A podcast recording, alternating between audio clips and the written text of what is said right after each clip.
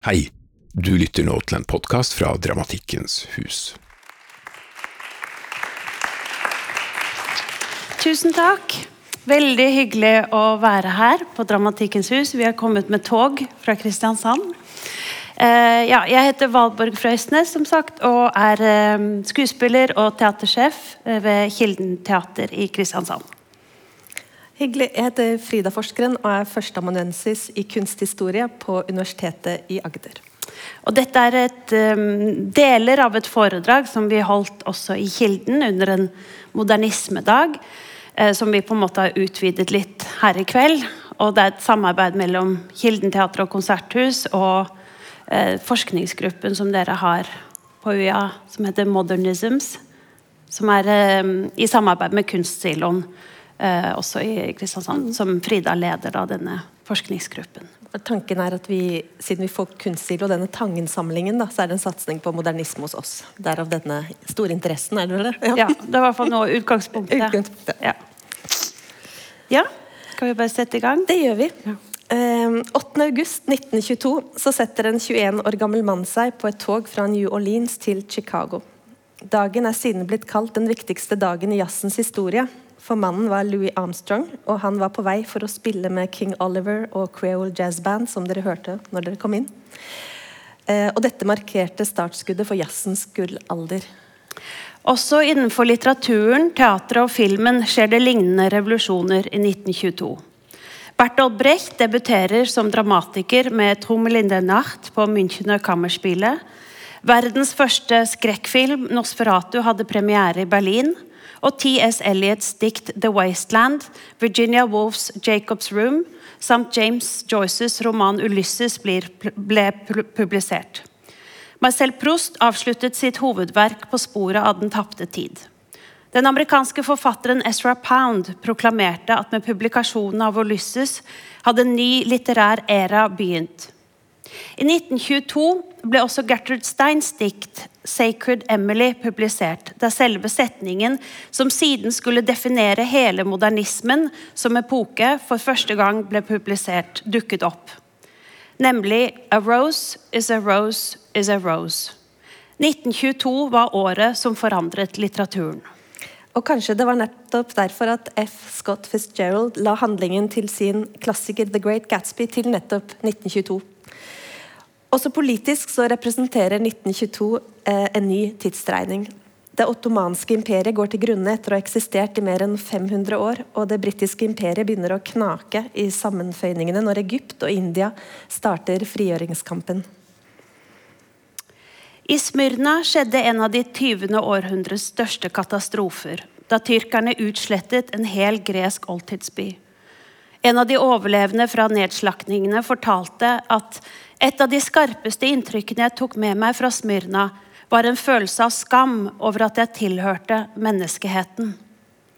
Disse hendelsene kom på toppen av traumene fra første verdenskrig med 41 millioner døde og sårede, og spanskesyken med 50-100 millioner døde.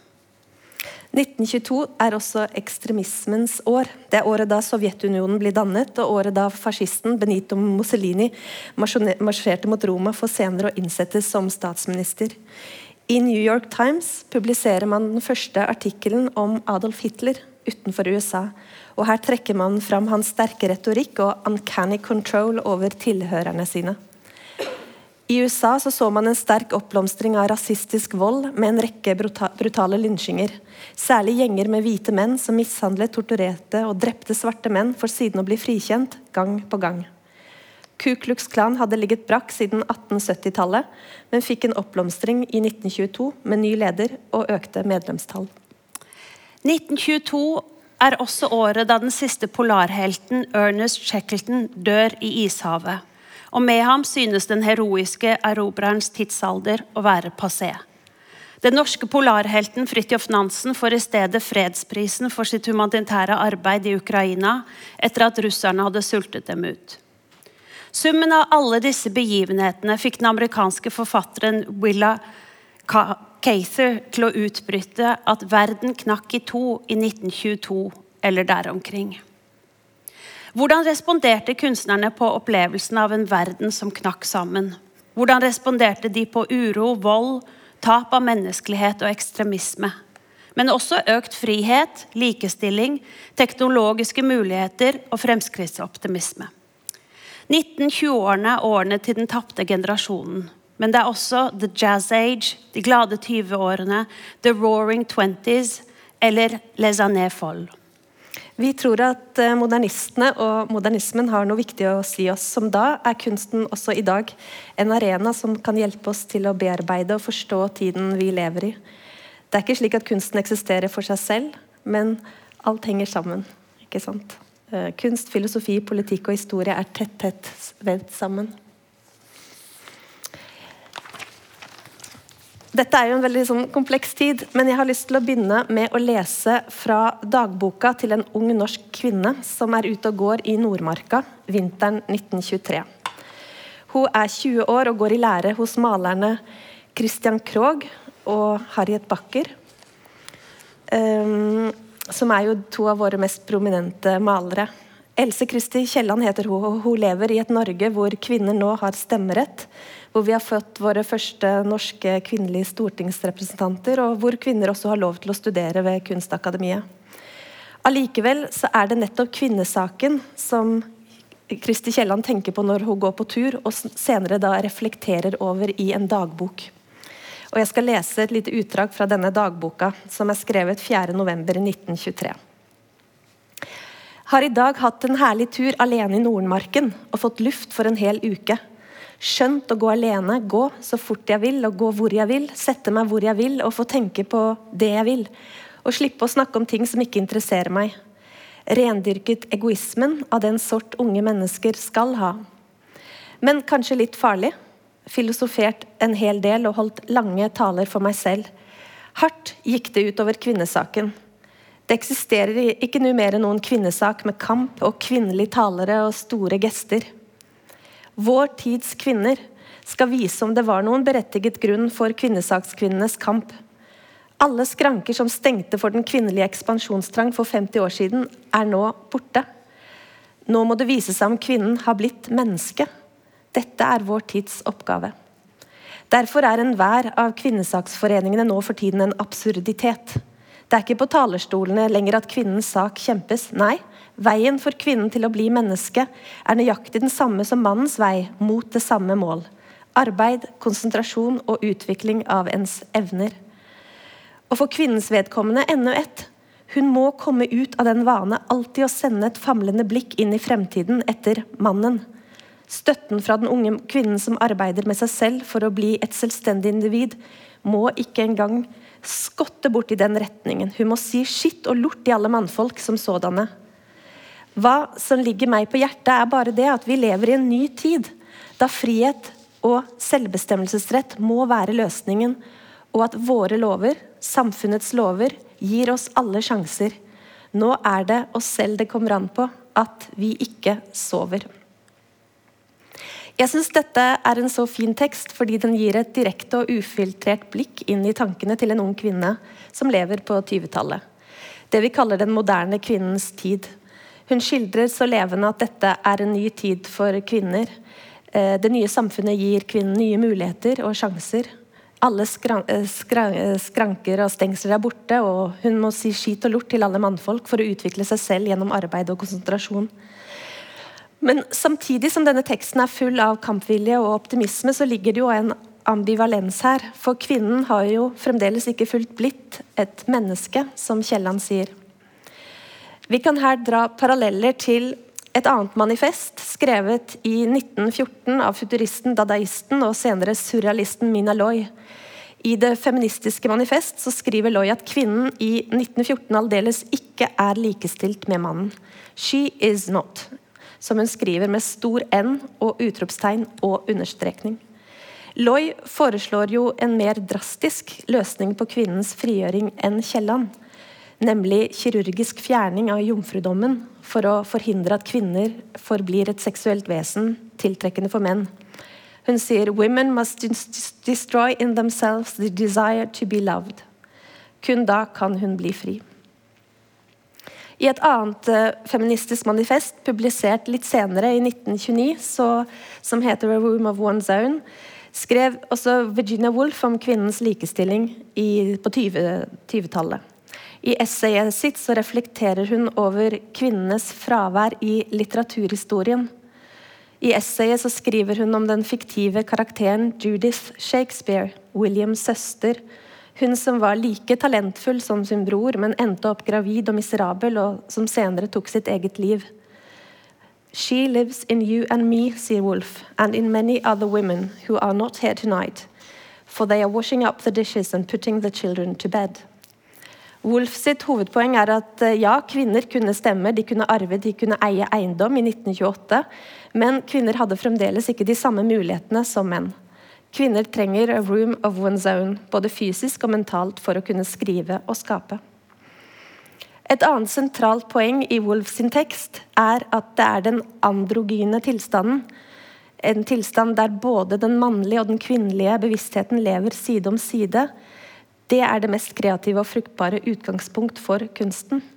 Hun sier The normal and comfortable state of being is that when the two live in harmony together, spiritually cooperating. If one is a man, still the woman part of his brain must have effect and a woman also must have intercourse with the man in her. I verket sitt 'Orlando' fra 1927 utforsket Wolf nettopp hvordan en mann på 1500-tallet eh, ble forvandlet til en kvinne, og hen reiste gjennom tiden og levde 300 år til i en helt ny kropp. Wolf kommenterer her hvordan kunsten kan overskride tradisjonelle kunstkategorier og normer, og la oss få oppleve andre måter å være kropp på. Det ikke-binære fellesskapet samt, samt, søsterskapet var svært viktig for flere av de kvinnelige modernistene, som Valborg kommer til å komme tilbake til. Og for Wolf var søsterskapet med Vita Sackwill West veldig viktig. Og for Else Kristi Kielland, som skrev denne dagbokteksten, så var søsterskapet hun opplevde med Harriet Backer uh, sentralt, og senere også maleren Agnes Hjort. Dette var avgjørende for hvordan hun utviklet seg som kunstner. Else Kristi Kielland blir jo etter hvert et eksempel på en kvinnelig kunstner i Norge som utvikler dette egne rommet, som Wolf skriver om. Hun blir Norges første kvinnelige kunstkritiker. Hun skriver et eh, monumentalt eh, teoretisk trebindstraktat som heter 'Depth and Movement', og hun er også en markant billedkunstner. Men det faktum at dagboka hennes er upublisert, at den ligger i en kasse på Nasjonalmuseet er kanskje et tegn på at kvinnen enda ikke helt har blitt menneske.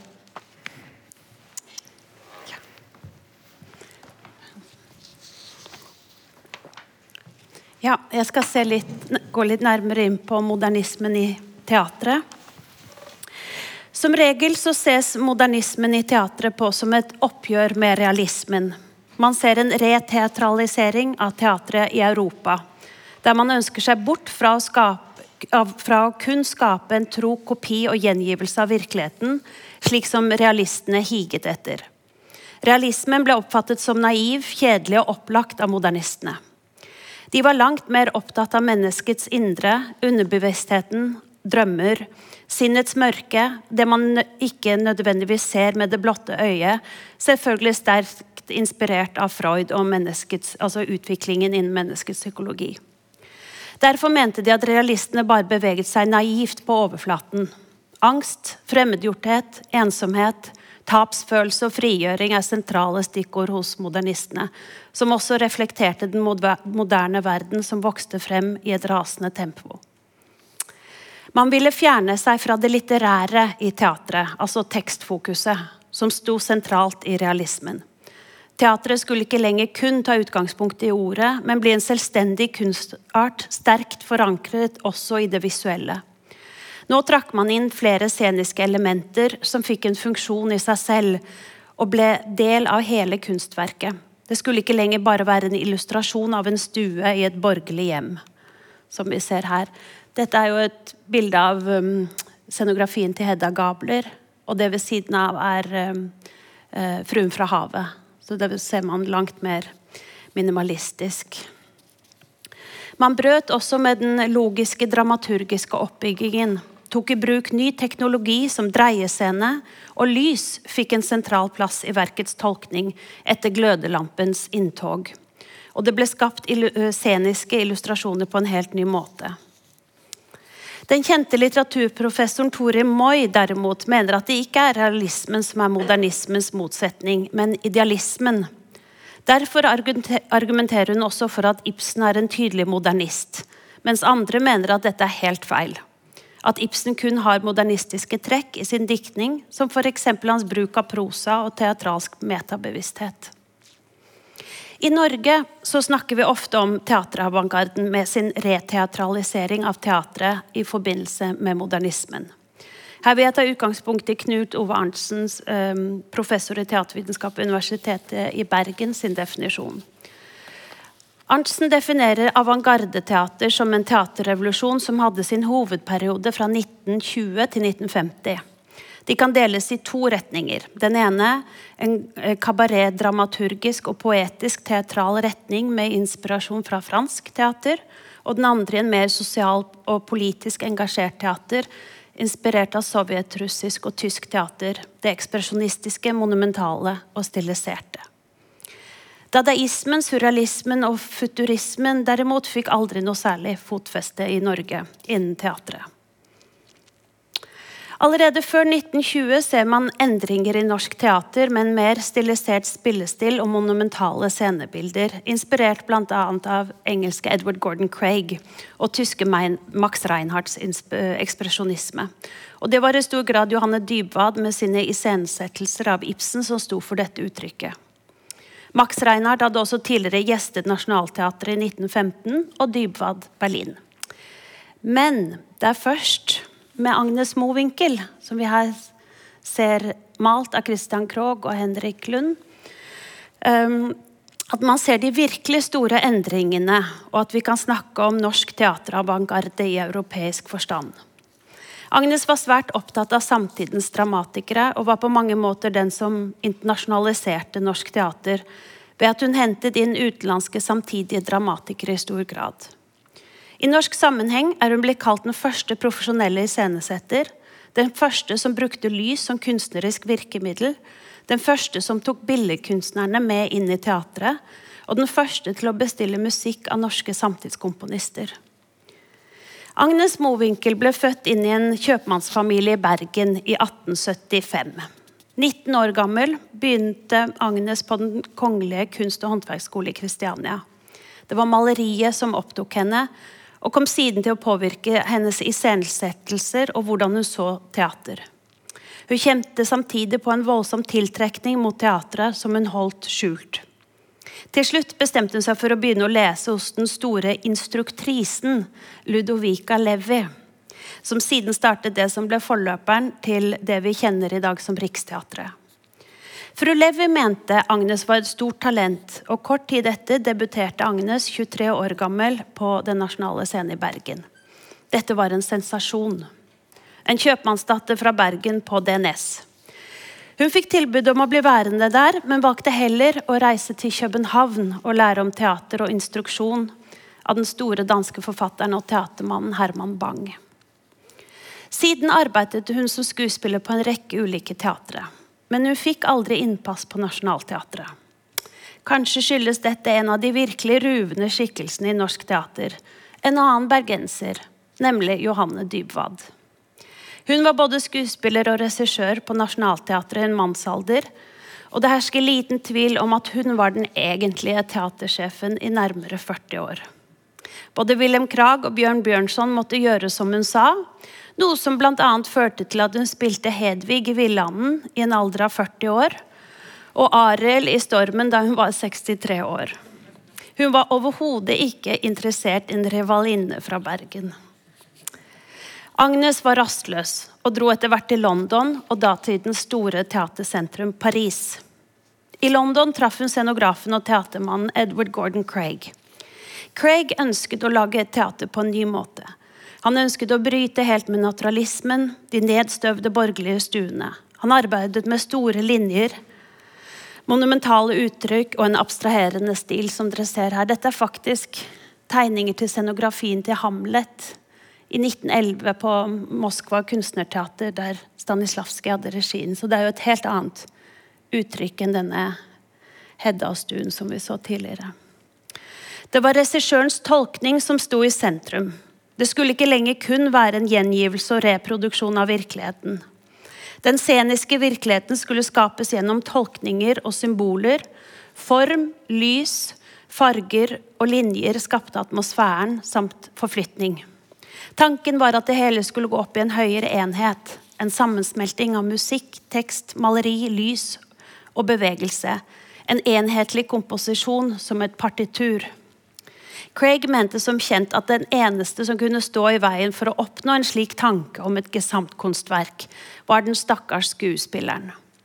Den store uh, italienske skuespillerinnen Eleonore Duse var enig. For å redde teatret må vi ødelegge det. Skuespilleren må dø av pest. De gjør kunsten umulig. Man var lei av skuespillerens jåleri og nykker. Jeg har et bilde til av Edward Gordon Craig sin tegninger. Dette er Hermanene på Helgeland, hvor han også hadde regien. Craig var for øvrig gift med danseren, koreografen og pedagogen Isadora Duncan. Som var med på å revolusjonere dansen og regnes som en av de viktigste pionerene innen moderne dans. I strak motsetning til klassisk ballett tok hun utgangspunkt i kroppens egne naturlige bevegelser, som vi ser her. Eh, hun hentet inspirasjon fra antikken, danset ofte barbent iført gresk-inspirerte antrekk. Dette handlet jo også mye om kvinnefrigjøring, for dette var jo tiden hvor de hadde kastet korsettene, og man, kvinnene fikk klær som de faktisk kunne bevege seg naturlig For, alt, for Agnes var alt dette til stor inspirasjon. Også Russland var til stor inspirasjon for Agnes. Der hadde teatermannen Meyerholt stiftet sitt teater i nettopp 1922. Med sin første visning av sine biomekaniske øvelser og etyder, som var del av utviklingen av skuespillerkunsten. Og, og sto i motsetning til den psykologisk-realistiske spillestilen fra Stanislavskis tradisjon. Så var målet her å få med hele kroppen i hver bevegelse. Bevegelsene var sterkt inspirert av industriarbeidernes bevegelser der rytme og effektivitet sto sentralt. Det ser man faktisk i det nederste bildet her. Dette inkorporeres i hans forestilling 'Den storsinnede Hanrei' fra 1922.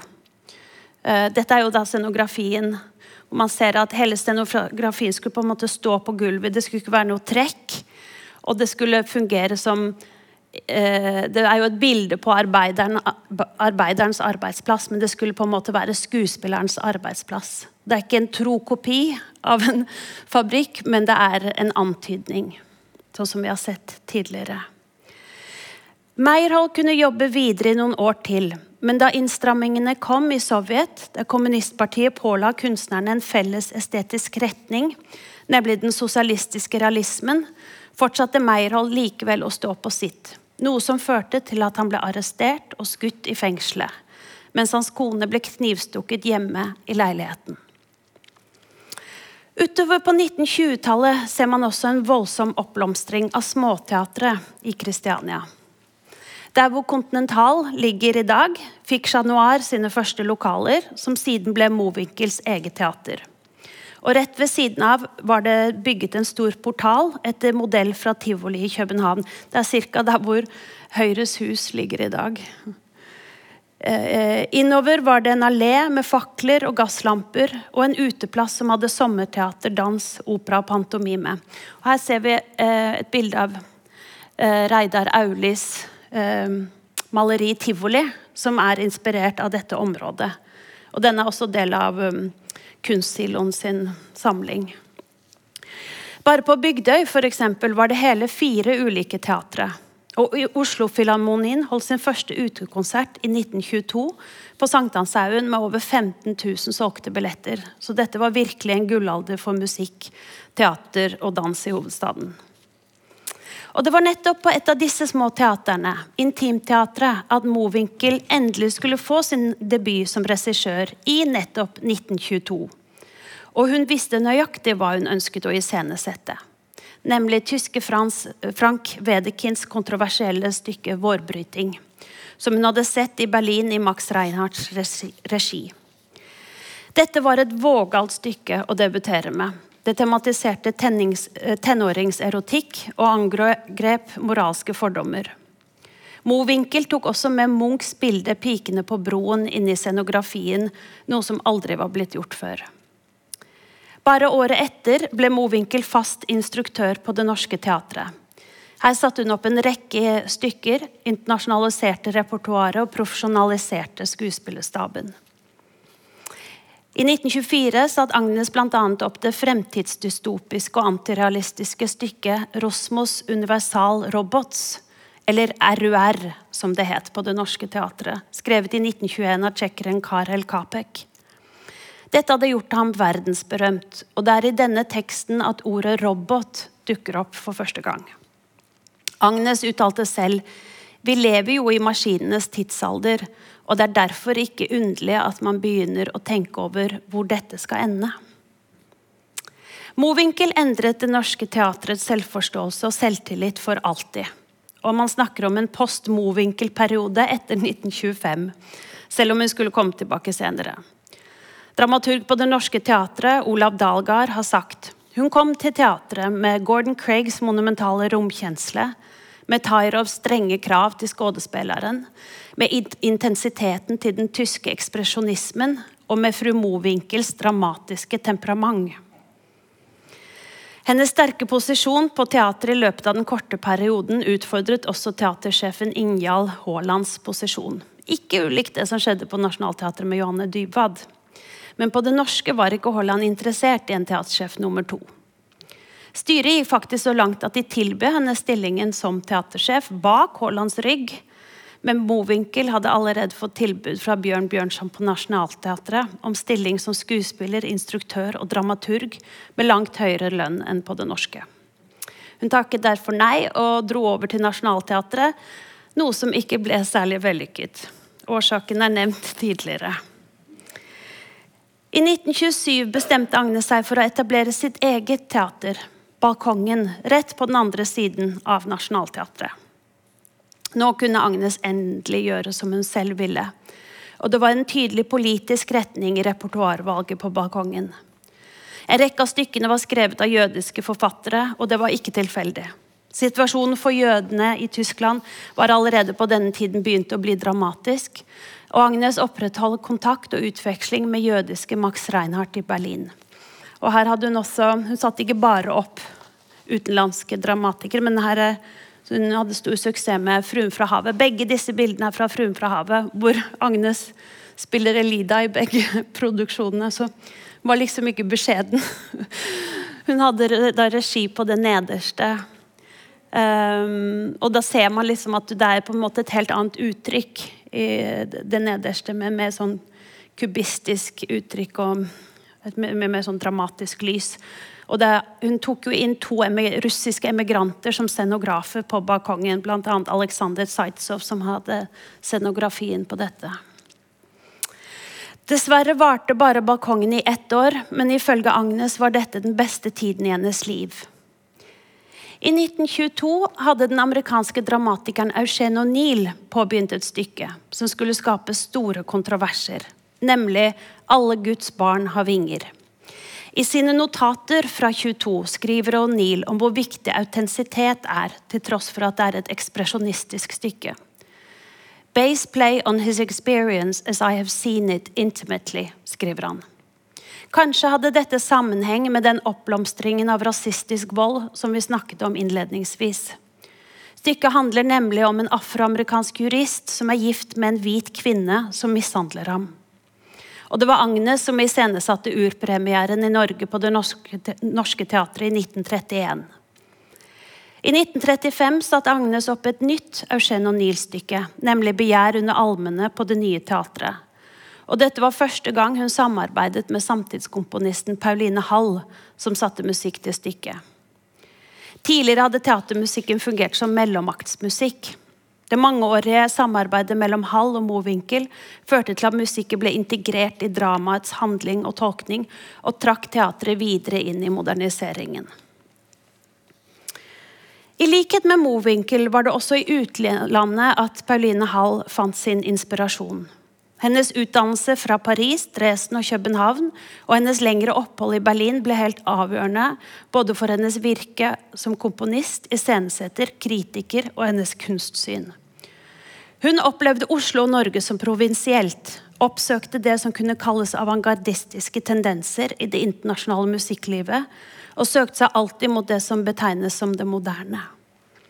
I tillegg til å være komponist var hun også musikkritiker i Dagbladet. Bl.a. var hun korrespondent i Berlin, der hun fikk med seg uroppførelsen av Ausstieg und Fall der Stadt Mahagoni og Tolvskillingsoperaen. Kurt Weil og Bertolt Brecht var til stor inspirasjon for henne. Og det ble Hall som ble den første som iscenesatte Tolvskillingsoperaen i Norge i 1930 på Sentralteatret. Der hadde hun både regi og det musikalske ansvaret, samt at hun selv hadde oversatt stykket.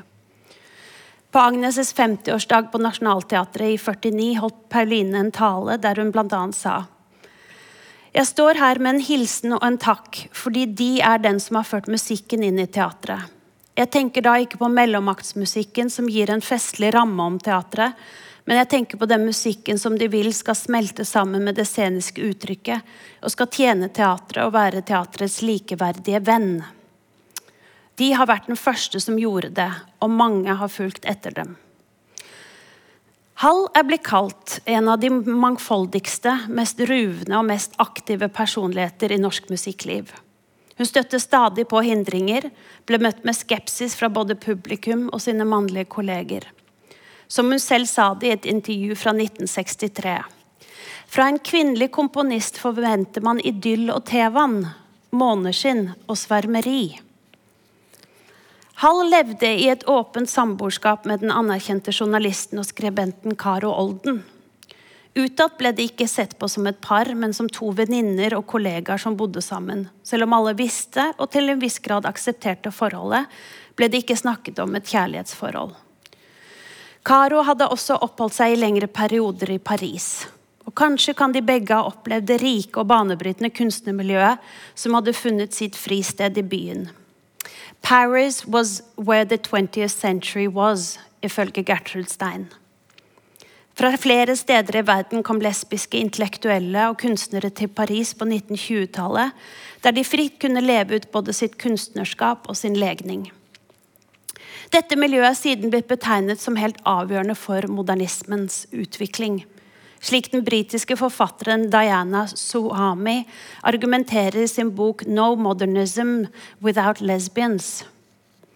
De var en revolusjonerende kraft i denne nye bevegelsen som vokste frem. De publiserte, produserte, skrev, malte, filmet, kledde og tedde seg som de ville, og levde ut den livsstilen som de ønsket.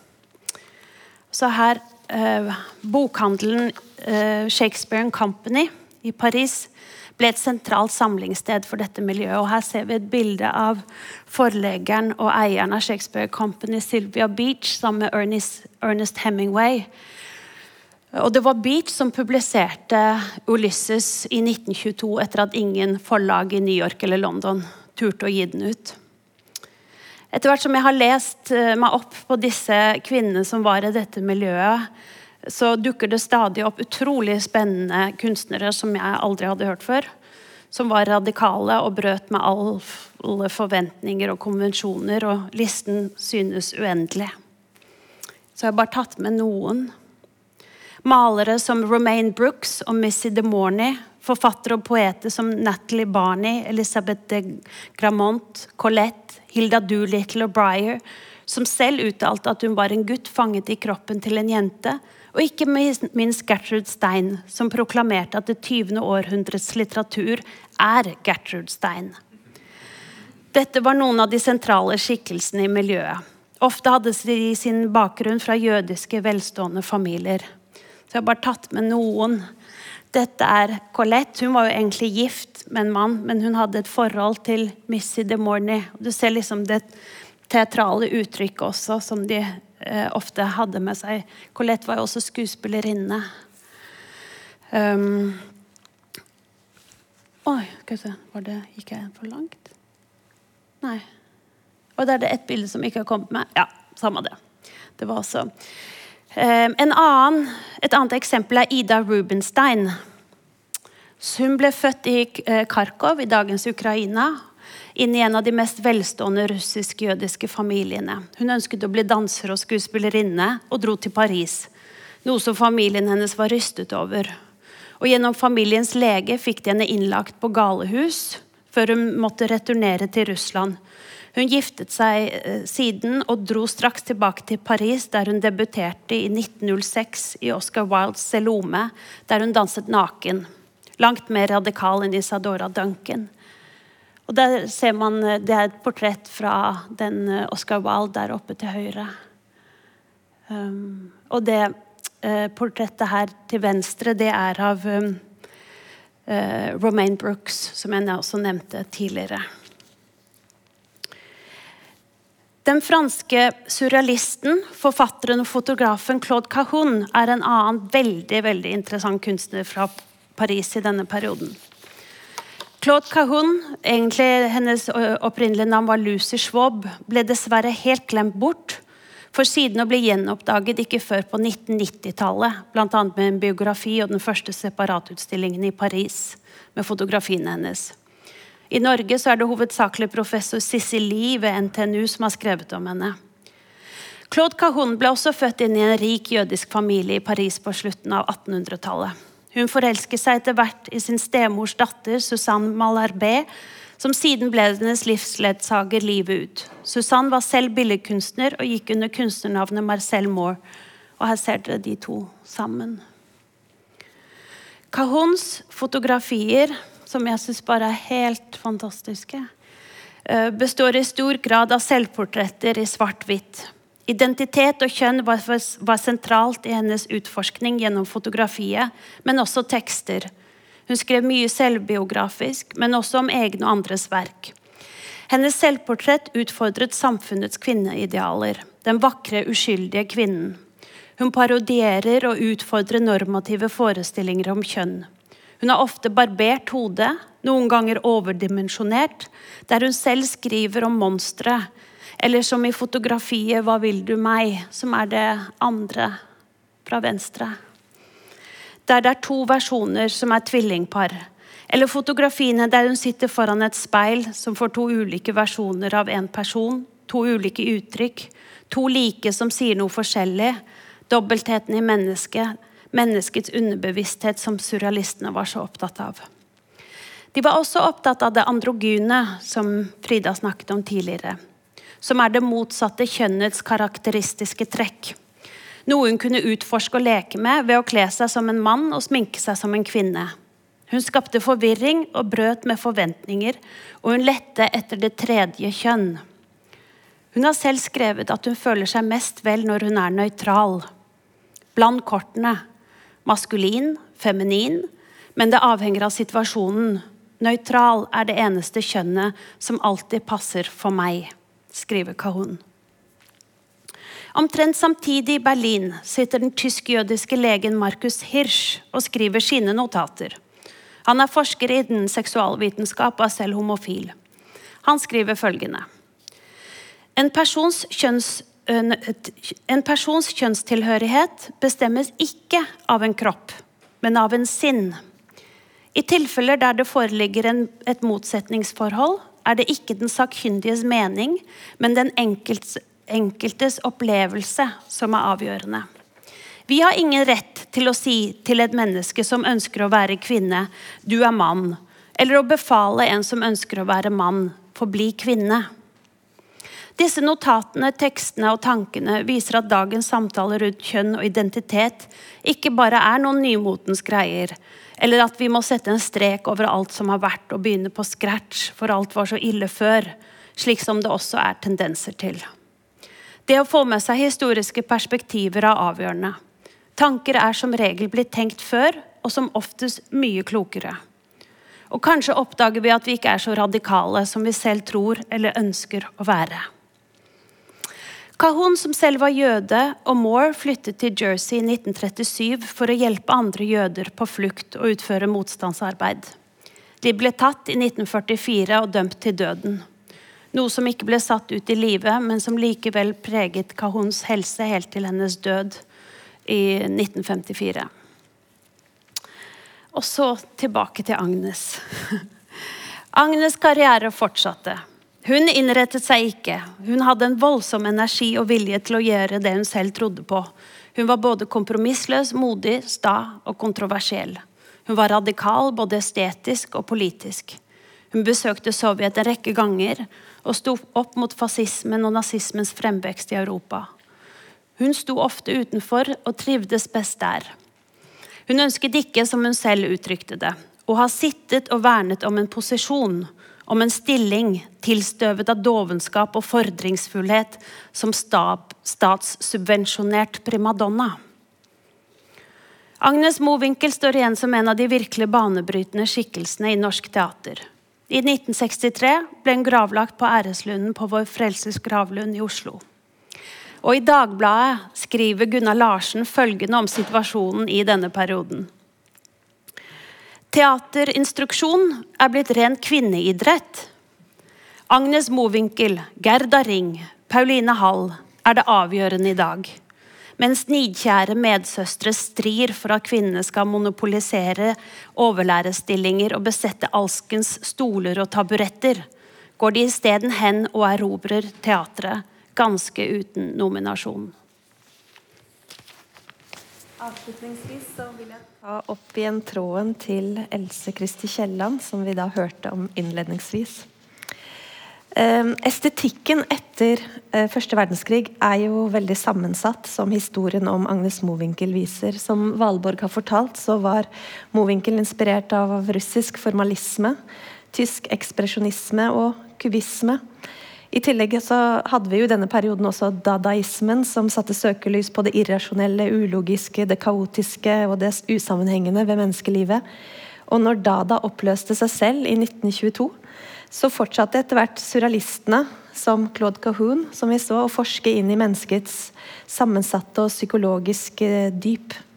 Samtidig så er denne tiden etter eh, første verdenskrig preget av at mange kunstnere også søkte etter faste, formelle rammer. Og at de også søkte tilbake til tradisjonen.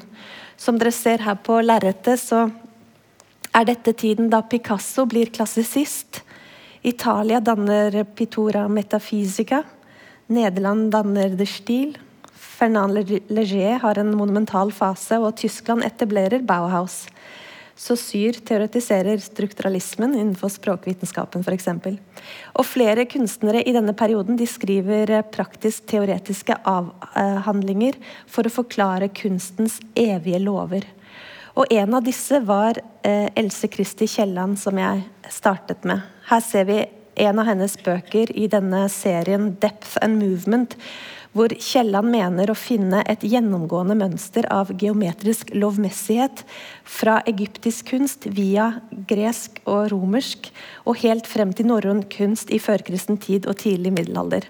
Og Hun foretar selv disse oppmålingene. Hun er nede i Egypt og står på stiger foran veggrelieffene og måler opp og, og lager dette store verket som hun jobber med helt fra 30-tallet til 82.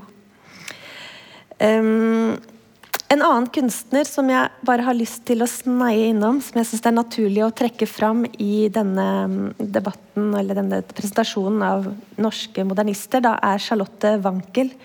Charlotte Wankel, som dere ser på lerretet her, dette er en skisse, et ferdig maleri fra 1925. Vi har dessverre ingen arbeider fra henne før den tiden. Men Charlotte Wankel hun oppholdt seg i løpet av 1920-tallet i Paris. Hun studerte først hos Henri Matisse, og så på Akademi Moderne hos både Aux Enfants og Leger. og kjente også til Le Corbusier. Og som dere ser her, maler hun i en sånn kubistisk, puristisk, veldig stringent eh, stil da, med elementer av maskindeler. Litt sånn som Meyer, som vi så eh, Valborg viste. Um, hun var altså en av de første kunstnerne i Norge som arbeida rent non-figurativt.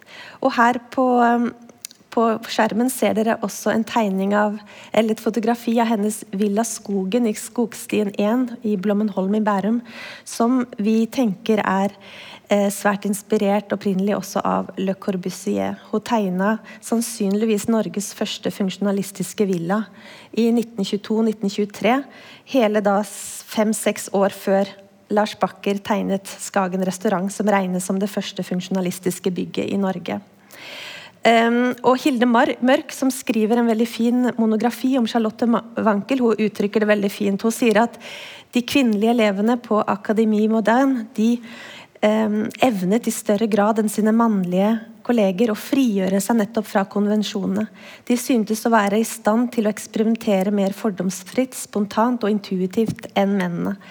Og det er jo en hel sånn det har du sikkert en hel sånn bølge av forskning nå rundt disse tidlige modernistene. Charlotte Wankel, eh, Hilde Mørk er også i gang med et arbeid om eh, Ragnhild Keiser, som man kan se nå på Nasjonal i den store Piranesi-utstillingen. Så er det Ragnhild Kårbø og Francisca Clausen f.eks. Så det er veldig mange som vi driver og graver frem på arkivet i denne tiden.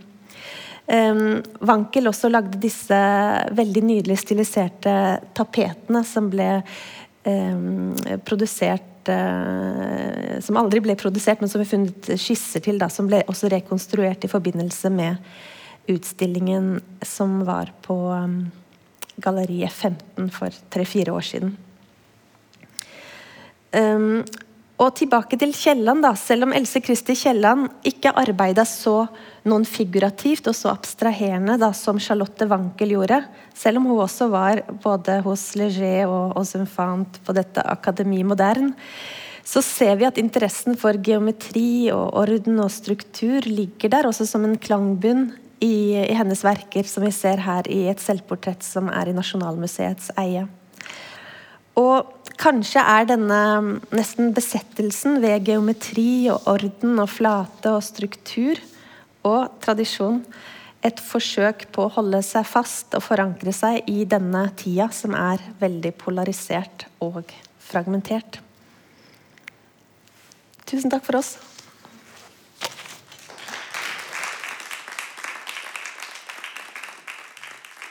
Du har hørt en podkast fra Dramatikkens hus.